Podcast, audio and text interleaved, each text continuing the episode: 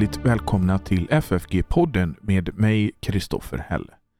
I dagens avsnitt ska vi få lyssna till ett samtal mellan Paul Rabi, Mats Eskult och mig själv om Gamla Testamentets löften, dess giltighet och Israel och mycket mer. Men först så vill jag påminna om att om man vill ge en gåva till den här poddens och församlingsfakultetens arbete så går det bra att göra det på Swish. Numret är 123 100 8457 och det finns också i avsnittsbeskrivningen av detta avsnitt och på vår hemsida ffg.se. För annat som händer på församlingsfakulteten besök gärna vår hemsida ffg.se. Men nu Paul Robbie, Mats Eskult, god lyssning.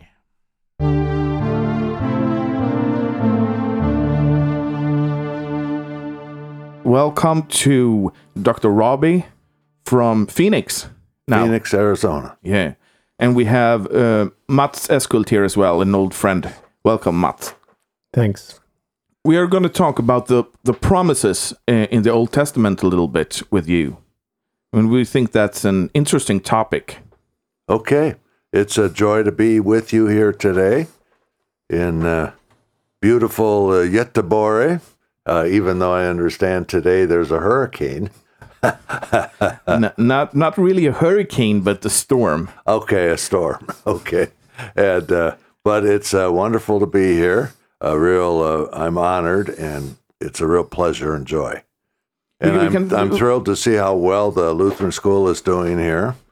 That's wonderful. Great, and uh, we um, you have had lectures here. Uh, on... Yes, I've taught here before. Yes, a couple of other times. So uh, always happy to be here.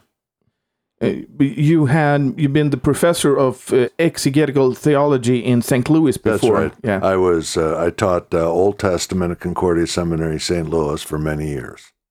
Right. So you were a colleague of our friend of this podcast, too, Dr. Robert Kolb. Oh yes, right. He's been right. Good friend and colleague. He's been on here many times. Okay, yeah. very good.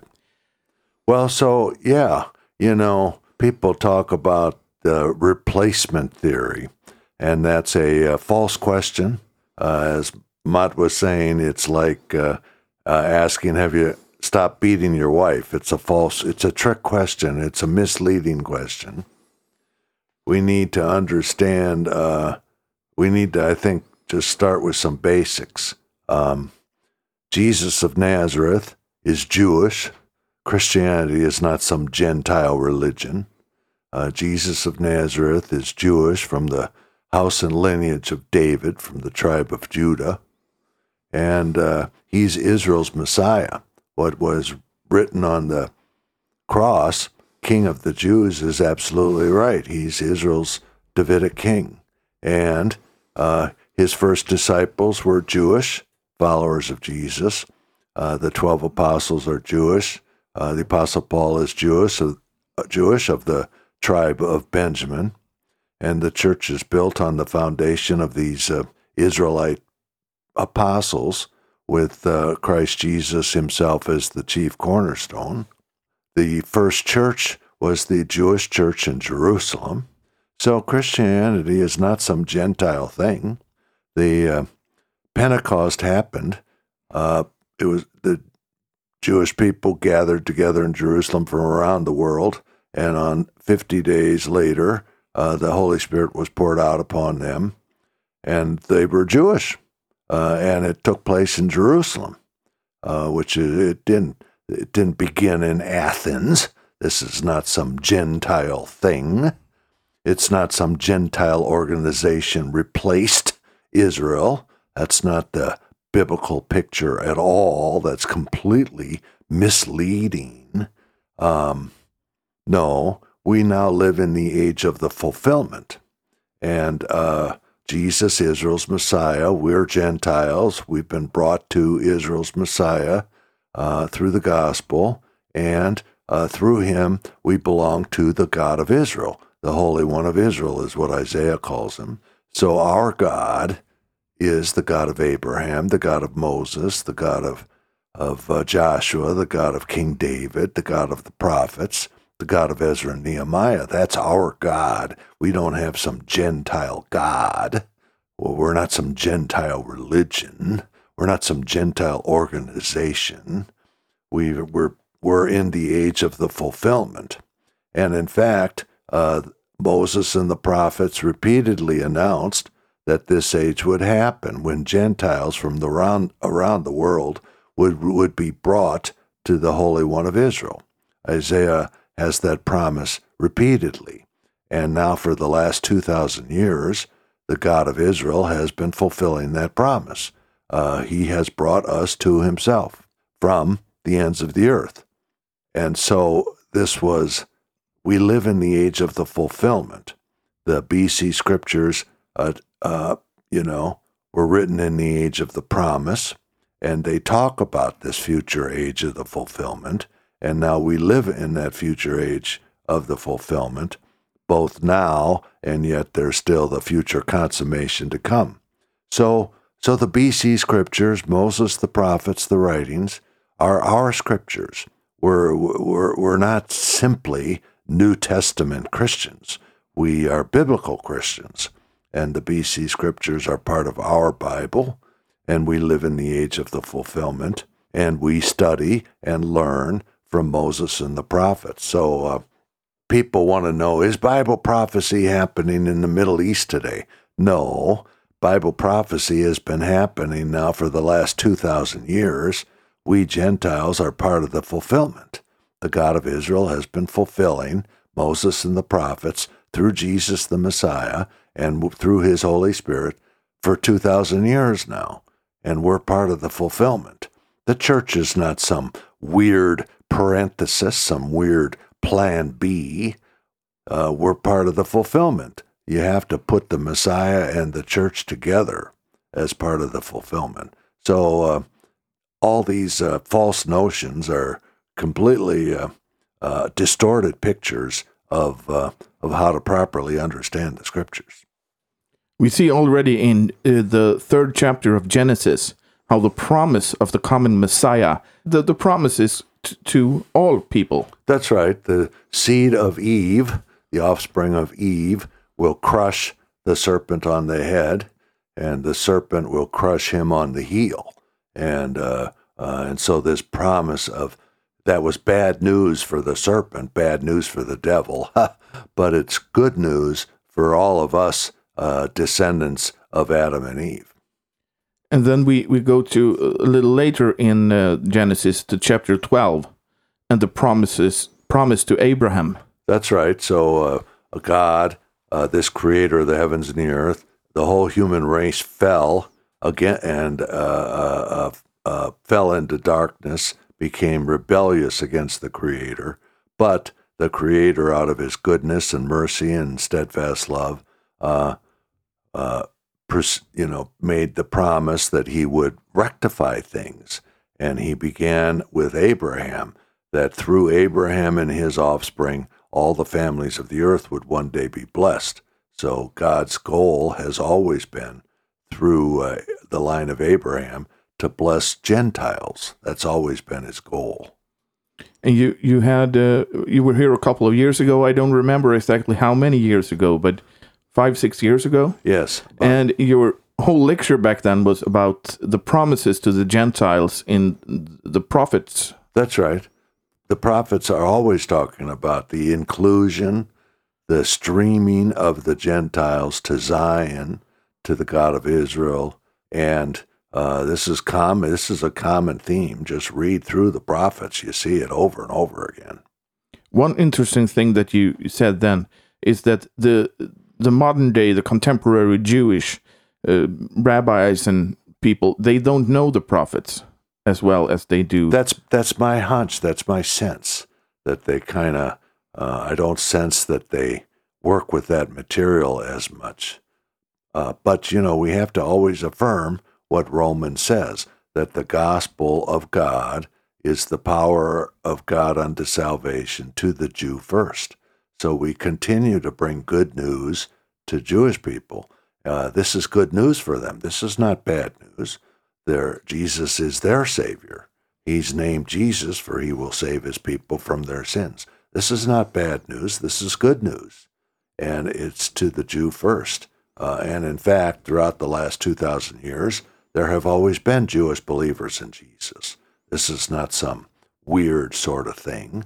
There have always been Jewish believers in Jesus. So we, we need to, people presented as one religion trying to impose itself on another religion and leave us alone and quit trying to proselytize other people with your oppressive religion. This is completely a false view of things. No, this is good news for sinners. God has done something to rectify the situation. This is not bad news. But you, you th- that's very true. You say to the Jew first, and, and many people don't know how to uh, view the Jews today or the Jews in the age of the fulfillment. Well, so uh, Isaiah uses the, or uh, the Apostle Paul uses the image in Romans 11 of this uh, olive tree, and it consists of natural branches uh, and foreign branches. And the foreign branches have been engrafted into this olive tree. Uh, and that olive tree, I think, stands for God's Israel, so that God's Israel consists of uh, Jewish believers in Jesus the Messiah and Gentile believers in Jesus the Messiah, and uh, through him, uh, fellowship with uh, the Creator of the heavens and the earth, the Holy One of Israel. Um, uh, and then what happens is there are many natural branches that were that are not in the tree, but the apostle Paul says the gospel is still a power of God unto salvation to them, and God can re-engraft them into the tree. So we uh, we we bring the good news uh, not only to Gentiles but also to Jewish people. But there, there are some theories floating around that something is going to happen. Some people say that something's going to happen with the Jewish people uh, near the end uh, or or even now something I, I, don't think we have a promise in the new testament that there'll be some mass conversion uh, i think the way of salvation is always the same for the last 2000 years namely through the gospel the holy spirit calls people to faith uh, enlightens them with his gifts and uh, sanctifies and keeps them in the one true Christian faith.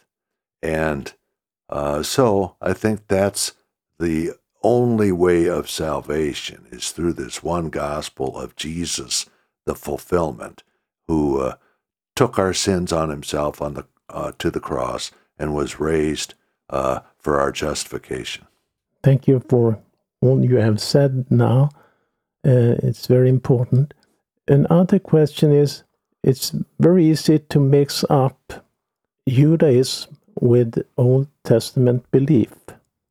What would you say about that? Yeah, that's a very good point. Yeah, the uh, Old Testament faith is readily available in the first 39 books of the Bible. We can read uh, what that theology is and what the faith was, and that should not be confused with the uh, uh with what is what is conveyed by the Mishnah and the Talmuds So, you know, just read through the Mishnah and the Talmuds. That's that's not saying exactly the same thing.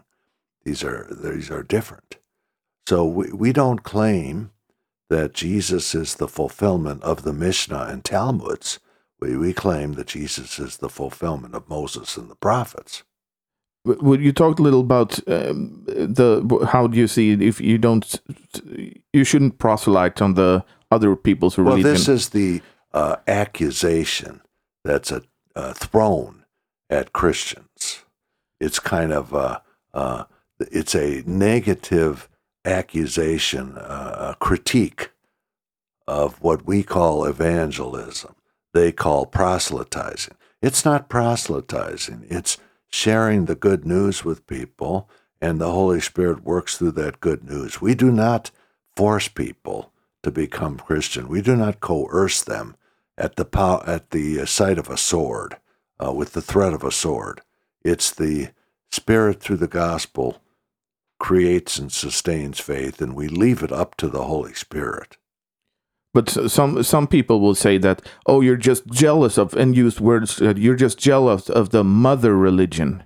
No, that has nothing to do with it. It's uh, it's the good news. God has fulfilled His promises. This is uh, good news for the whole world. this and we would be uh, uh, we would be unfaithful if we just kept this good news to ourselves. Concept of mother religion is, is it's not accurate. I think the concept of mother religion. What is the mother religion? That's right. That's a good point. So it's it's uh, our faith goes back to Genesis, and already in Genesis four it says they began to call upon the name of of Yahweh, the true God, and Abraham, Isaac, and Jacob. So the the faith is the faith conveyed by Moses and the prophets. Christianity did not just start from scratch in 30 AD. That's that's a, a false version of Christianity. Another misconception I think is that we view the the Jews as a whole from Adam and Eve to now. That the Jews are the same, but they're not. They they don't have the same beliefs as uh, Abraham or Moses or Isaiah. Well, so so the division is still over Jesus, and there are, like I say, there are many Jewish believers in Jesus as the Messiah, and that we are one with them in the one gospel. You know, all those ones that you read about in Ephesians four: uh, one Holy Spirit, one body of Christ, uh, one faith, one Lord, one baptism, one, one God and Father. All those ones are, are what unite us. But there are many Jewish people who do not believe that Jesus is the Messiah. So they, they don't see that as the fulfillment. And that's where the division is. Is is Jesus the fulfillment or not? That's the division. Well, and uh, another question: the task of the law. What was actually Paul's Saint Paul's position? Is it as when anybody reads the, the, the epistle to the Galatians, you you see that uh, he's um, he's opposed to the law in the in the way that anybody can fulfill the law. But I think there's a new tendency in in New Testament exegesis, a, a new understanding of Saint Paul, the new perspective on Paul. yes. Okay. And what do you think? I think it's all wrong, but I have not studied it. Yeah. Uh, what do you think is wrong about it? it it's wrong because you suppose that St. Paul, in some way, went on his own way of thinking about the law. Oh, yeah. Well, so he even tells us very clearly in Philippians chapter 3, kind of the way he used to think and now uh, as a Christian. And he makes his uh, a contrast bef- between the uh, old Paul and the new Paul. And the old Paul says, uh, you know, I was a Pharisee of Pharisees. I, uh, I kept uh, the entire Mosaic law scrupulously down to the detail in a very literal way, and I was uh, according to righteousness that can be achieved by human effort. I was righteous according to the law. I was, uh, you know, circumcised and did all the rules and uh, uh, trying to establish my own righteousness. But then he says, "But now in Christ, I no lo- I receive the righteousness that comes from God." the righteousness that is received through faith in Jesus the Messiah, the Savior. So he he doesn't look at it the same way at all. He, uh, Philippians 3 kind of tells us the contrast between the way he used to think and the way he is now. He knows now righteousness cannot be established by human effort or any kind of human effort. It's a gift from God, justification by faith, not by works.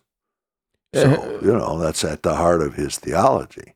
Have you um, uh, heard of the book uh, Phariseeism and uh, Christianity by a Swedish professor called Hugo Odeberg? N- uh, no. and he he uh, makes a comparison between what the Pharisees teach and what Jesus, the Christianity, teach. And he, when he boils it down, it's he says it's the the will that is the thing that's different. That's the most difference. He he starts with misconceptions about the Pharisees and the Jews, and then he he boils it boils it down to that it's the will. The Pharisees says Adam and Eve didn't fall into sin. They were weak persons that wanted to sin. When Christianity says it's um, you are drawn to sin, you can't you you have to sin, uh, and that's the difference: the free or unfree will. Okay. Well, and our view would be in line with uh, Jeremiah and Ezekiel, who emphasize it's it's not possible for Israel not to sin. Their their heart sin is engraved on their heart. Is their uh, diagnosis of Israel at the time of Jeremiah and Ezekiel? Sin is engraved on their heart, and so the only uh, solution is for God to create a new covenant and write the Torah on their heart so that they will know Him.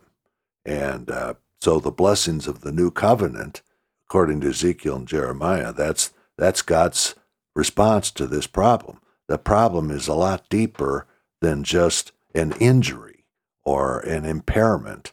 The problem is uh, original sin. All people uh, uh, have this fundamental uh, opposition to God and are curved in on themselves.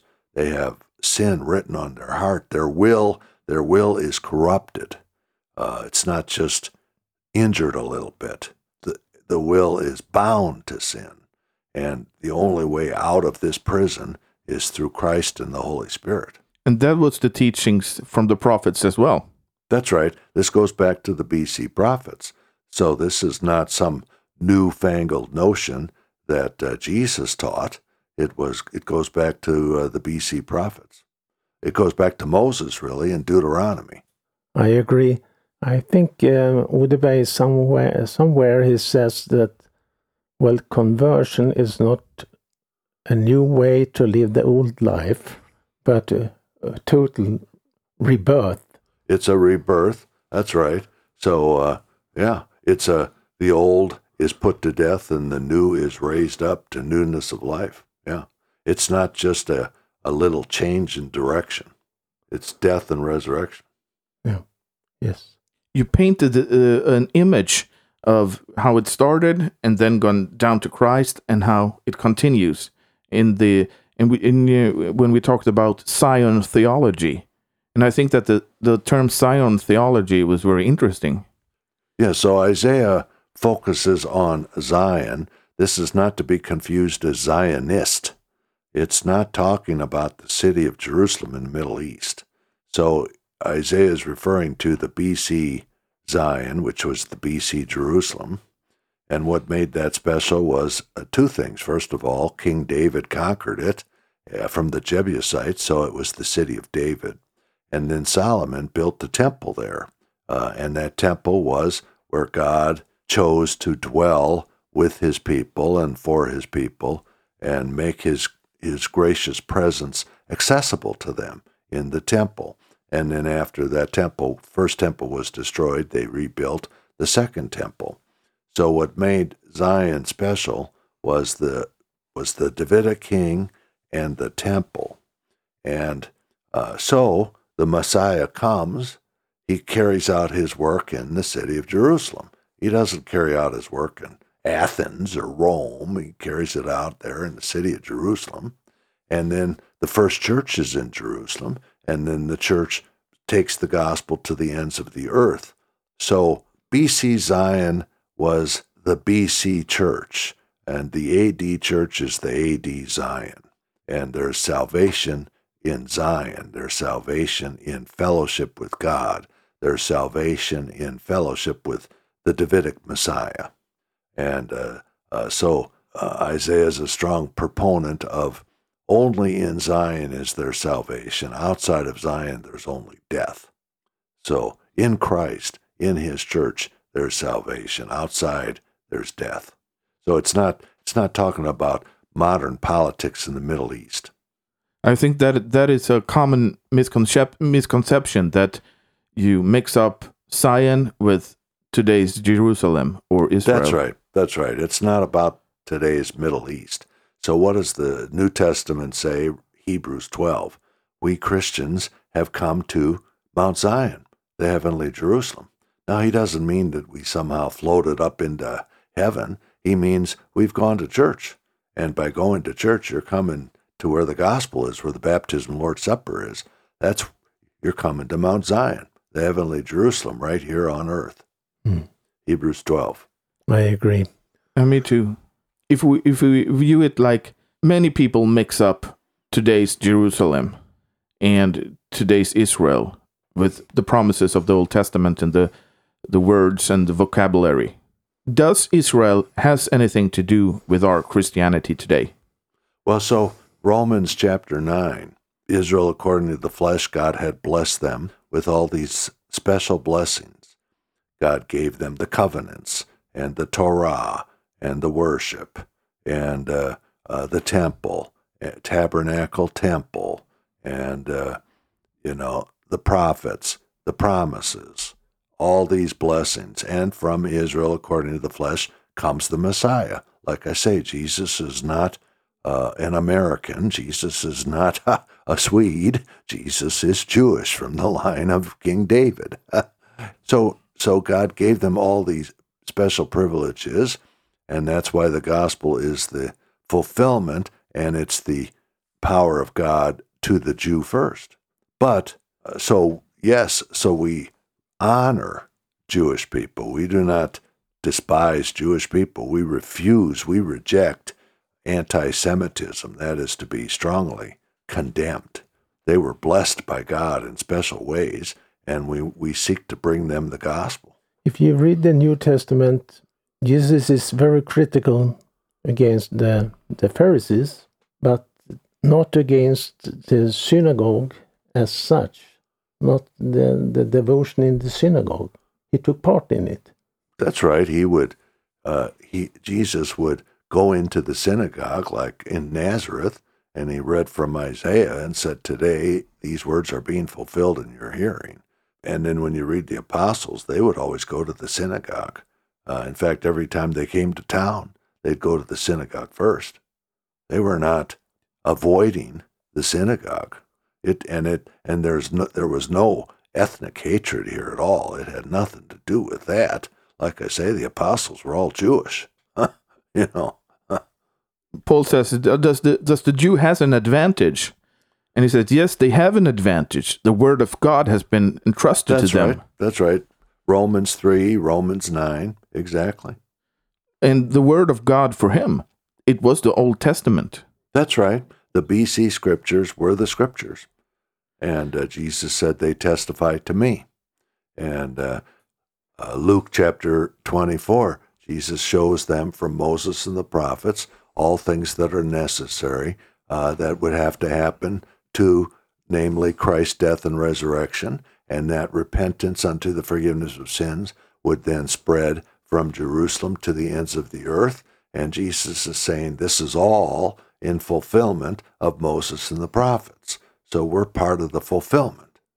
Yes, and I think it's an interesting task in studying the Old Testament to try to trace what what passages Jesus actually went through on That- that, way right. to Emmaus. That's right. That would be uh, uh, that would be wonderful.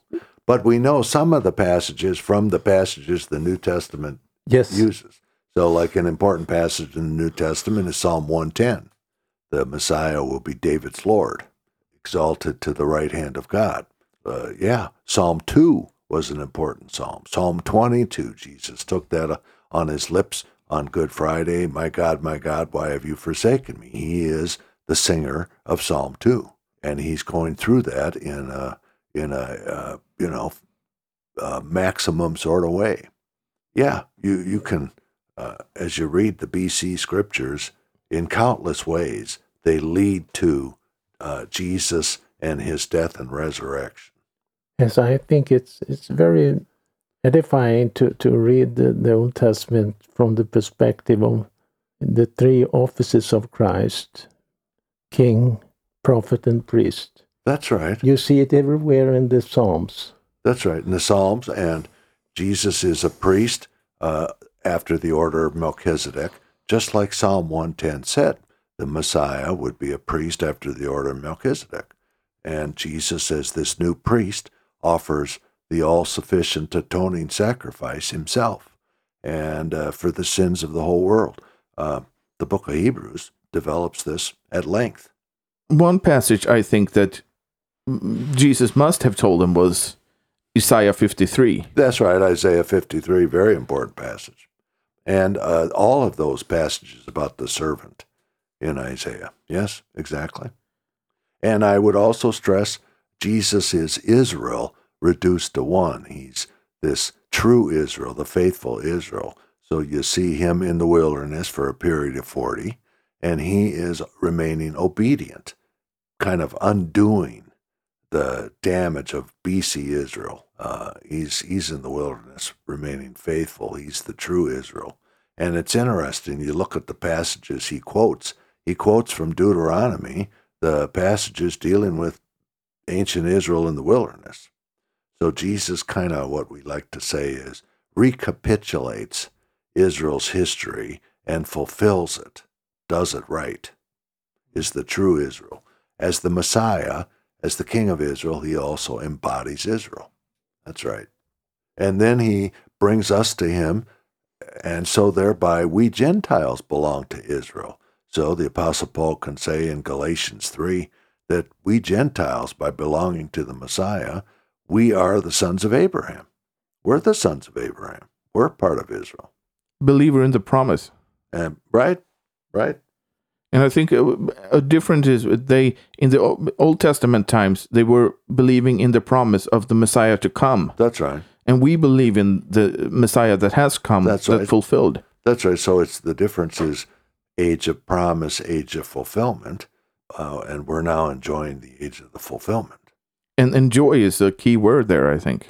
Exactly. Enjoy, receive the benefits, uh, from God by faith and uh, rejoice in those benefits, and then uh, pray that we might lead lives uh, worthy of our calling. And uh, like one translation has, that we, since we live by the Holy Spirit, let us obey the marching orders of the Holy Spirit. That's a great translation of that passage in uh, Galatians 5. We seek to obey the marching orders of the Holy Spirit. But what we have talked about now, some people would, would have would come to you and might accuse you, and say, Paul, you're a replacement theologist. No, what that's, would, that's false. What would you say to them? No, it's it's like saying, "Do you think Jesus is a replacement?" And I say, "No, Jesus is the fulfillment. He's not a Gentile." So it's uh, if you think Jesus is a replacement, then Jesus is the replacement theory. I don't, that's not how Jesus talked. Jesus portrayed himself, spoke of himself as the fulfillment of Moses and the prophets. That's not replacement, that's fulfillment. That's a very, very good answer, I think, because Jesus can't be, be the replacement. He's God himself. Well, yeah. right. And, right. He's the one uh, who spoke through uh, the prophets, uh, uh, who sent his Holy Spirit. Yeah, yeah. This this replacement it's a, a false charge and it's a misleading uh, framework for understanding this. That's not the biblical way of thinking about this. When the when did you, the um, the talk about the replacement come? Is this a new thing or is it a old thing? what would you say about that? Well, uh, I don't actually know. I some twenty years ago, I, I just came across a pamphlet on, on replacement, and, and one must. Uh, that that's a very good question. I'm Yeah. not quite sure. That's a very good question. I'm not quite sure. There there's some agenda behind this. It's a very good question. I think it's, but I don't think it's an old question. I think it's a fair, fairly new question. Yeah, it sounds. That's right. It sounds fairly new. Yeah, that's a very good question. So when you were studying theology, you didn't, didn't hear about this. I, I heard about it. I just don't remember uh, ever learning about the origin of it. Who first came up with that accusation? I'm not sure. Of what I understand, Missouri Synod has had your view for a very long time. That's right. This is our traditional view. This is the traditional view of, of, of the scriptures. So it's the traditional view of, uh, of uh, Orthodox Lutherans. Yeah, the scriptures. We, uh, we subscribe to uh, the scriptures as the sole source, rule, and norm for what the church believes, teaches, and confesses. So uh, we're interested in what the scriptures teach, and the scriptures do not teach this view. That's an odd view. Many other not non-Lutherans, especially very charismatic people, are very emotional attached to Israel, and I think that uh, have been maybe came in through some charismatic ways, uh, charismatic streams into Lutheranism as well. You think so? Yeah. Yeah, I'm not too familiar with that. Why? Well, how do you see it? for example, the the charismatics here in Sweden or the Pentecosts are uh, they mix up very much mix up today's Israel with the old Israel. Oh, They they have a very weird theology Oh. about that. yeah. Yeah, and I think there's a problem here because since more than 100 years, all students of theology are taught that one cannot read the Old Testament from the New Testament perspective. So they are totally kept apart. And then those who study theology and became become pastors, they have actually are not taught how to preach the Old Testament. Oh, This means that Christian newspapers that are influenced by Pentecostalism are the only ones that have anything to say about the Old Testament. oh. And, and that's uh, the big problem, I think. No, that is a big problem. Um, what's the relationship between um, Moses and the prophets and the writings and the New Testament? And it's uh, one relationship is promise fulfillment. Another one is type, anti-type. So in the BC history of Israel, we see the foreshadowings, prefigurements of the coming Christ.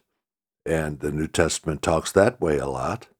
Uh, that's one relate, and then the other another relationship is that the the whole history of BC Israel is leading toward the the culmination is leading toward the one who is to come, and so you know John the Baptist asked, "Are you the one to come?" You know, it's uh, so the the BC scriptures.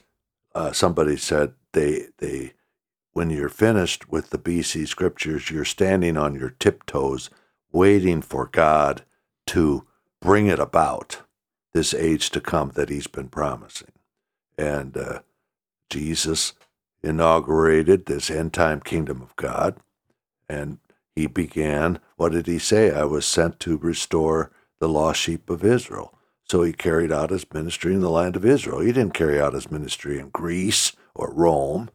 And uh, in many different ways, the BC scriptures lead to Christ. Like 2 Corinthians 1 says, Christ is the yea and amen to all of God's promises.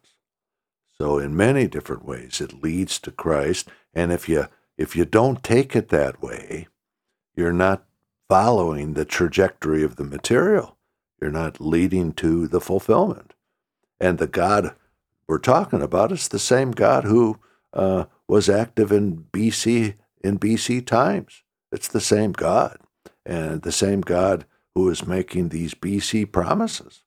So, so we're we're trying we're honoring the way God Himself fulfills His own promises and His own people's history.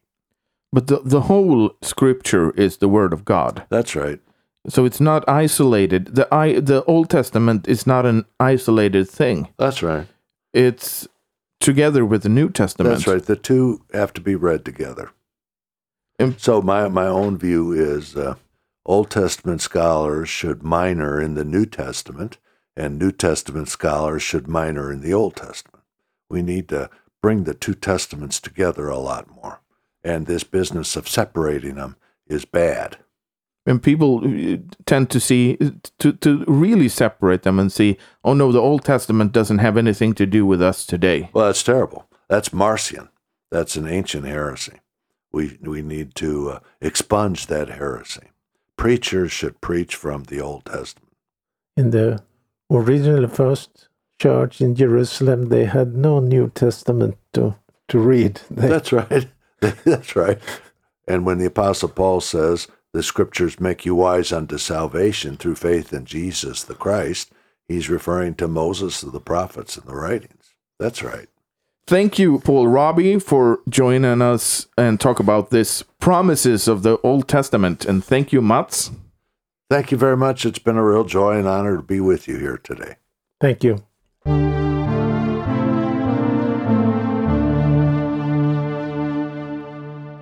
Ja, det var samtal mellan Paul Raabe, Mats Eskhult och mig själv, Kristoffer Helle.